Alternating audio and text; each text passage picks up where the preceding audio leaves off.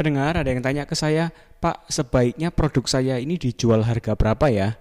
Baik, kembali dengan saya DSW Dr. Sandi Wayudi dalam Bukan Teori Marketing. Sebagai aturan umum, ya ada setidaknya dua hal yang penting. Apakah Bapak menjual produk yang mudah rusak, contoh seperti makanan, minuman yang nggak bisa tahan lama ya. Resiko kalau nggak terjual juga akan basi, ya rusak. Ataukah Bapak menjual produk jasa, seperti jasa potong rambut dan lain-lain. Kalau aturan umumnya, ya harga jual sebaiknya adalah HPP, harga pokok produksi, kita maksimum berapa persennya dibanding dengan harga jual nanti. HPP sendiri itu apa?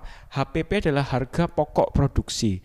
Yang misal kalau kita jual makanan minuman maka HPP adalah bahan baku, kemasannya, ongkos produksinya ya dan lain-lain. Namun tidak termasuk di dalamnya adalah misal gaji karyawan, biaya umum seperti sewa toko, listrik dan lain-lain. Nah, HPP murni adalah bahan baku, kemasan, dan ongkos produksi yang terlibat untuk membuat produk minuman atau makanan itu. Jadi kalau harga jual untuk produk yang mudah rusak adalah HPP-nya maksimum 25% dari harga jual. Misal contoh, HPP-nya adalah Rp5.000 maka untuk harga jualnya sebaiknya berapa? 5000 dibagi 25 persennya maka keluar angka 20.000 rupiah itu adalah harga yang pantas untuk menjual produk makanan minuman jadi tinggal dibagi 0,25 Nah, bagaimana dengan produk jasa? Produk jasa ini produk yang tidak bisa disimpan, tidak bisa di stok dan tidak mudah rusak karena hanya kalau ada customer datang baru dilayani. Nah, untuk perhitungan produk jasa, maka gunakan rumusan aturan umum HPP-nya adalah 40% dari harga jualnya. HPP di bidang jasa tentu berbeda karena kan yang mengerjakan adalah manusia, maka HPP-nya yang lebih utama adalah faktor gaji karyawan yang melayani tamu. Jadi contoh misal potong rambut adalah gaji atau komisi dari pemotong rambutnya. Katakan katakanlah mereka diberikan fee ya komisi Rp20.000 per sekali customer datang.